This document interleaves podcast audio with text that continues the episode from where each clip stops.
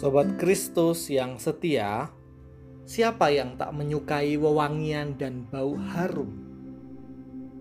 Ketika kita hendak menghadiri sebuah peristiwa penting, parfum atau wewangian lain mestinya tak luput untuk kita semprotkan pada beberapa bagian tubuh kita, bukan?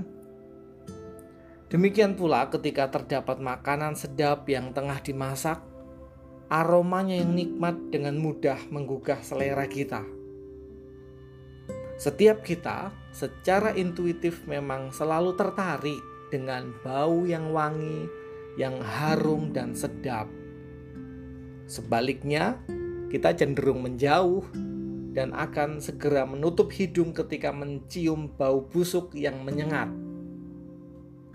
Nah, kata mencium yang dipergunakan di sini berbeda maknanya dengan kiss atau kissing dan lebih dekat dengan kata menghidu. Menghidu berarti mencium bau atau membaui.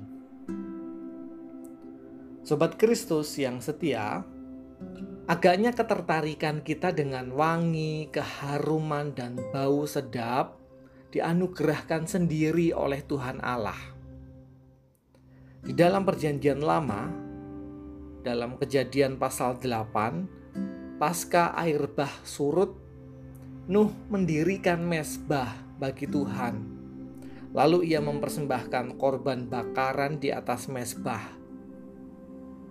Korban bakaran yang harum dan sedap membuat Tuhan berkenan dan di dalam ayat 21, Tuhan yang menghidu atau mencium persembahan yang harum kemudian berujar bahwa aku tak akan mengutuk bumi ini lagi karena manusia.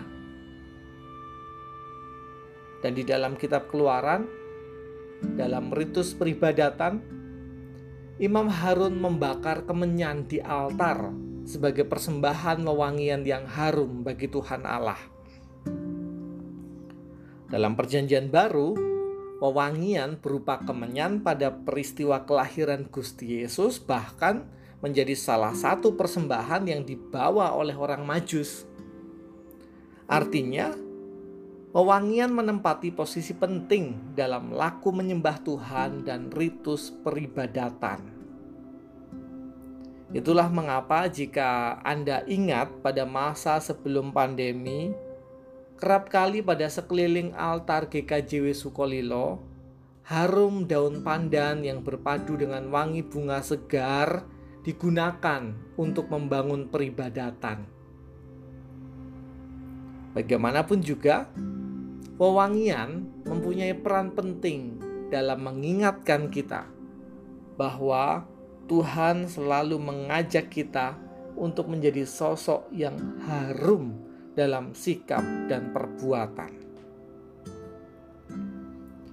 Sayangnya, sobat Kristus yang setia, di tengah konteks pandemi, salah satu indikator dari seseorang yang terpapar virus corona adalah hilangnya kemampuan untuk menghidu dan mengecap rasa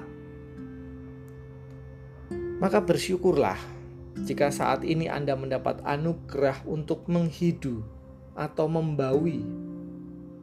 Sembari mari berkomitmen untuk terus menghadirkan sikap dan perbuatan yang harum dan menarik sesama supaya melaluinya dunia dapat semakin memuliakan Tuhan Allah. Dan tentu bagi saudara-saudari kita sesama kita yang gagal untuk menghidu, serta kehilangan kemampuan untuk membawi. Kiranya kita juga memohonkan pemulihan. Amin. Kini, mari kita menutup mata, menarik nafas, dan menghembuskannya dengan tenang, dengan tentram.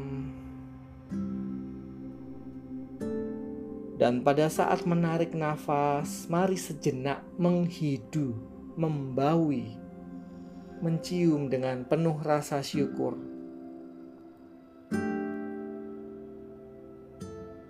Mari kita berdoa.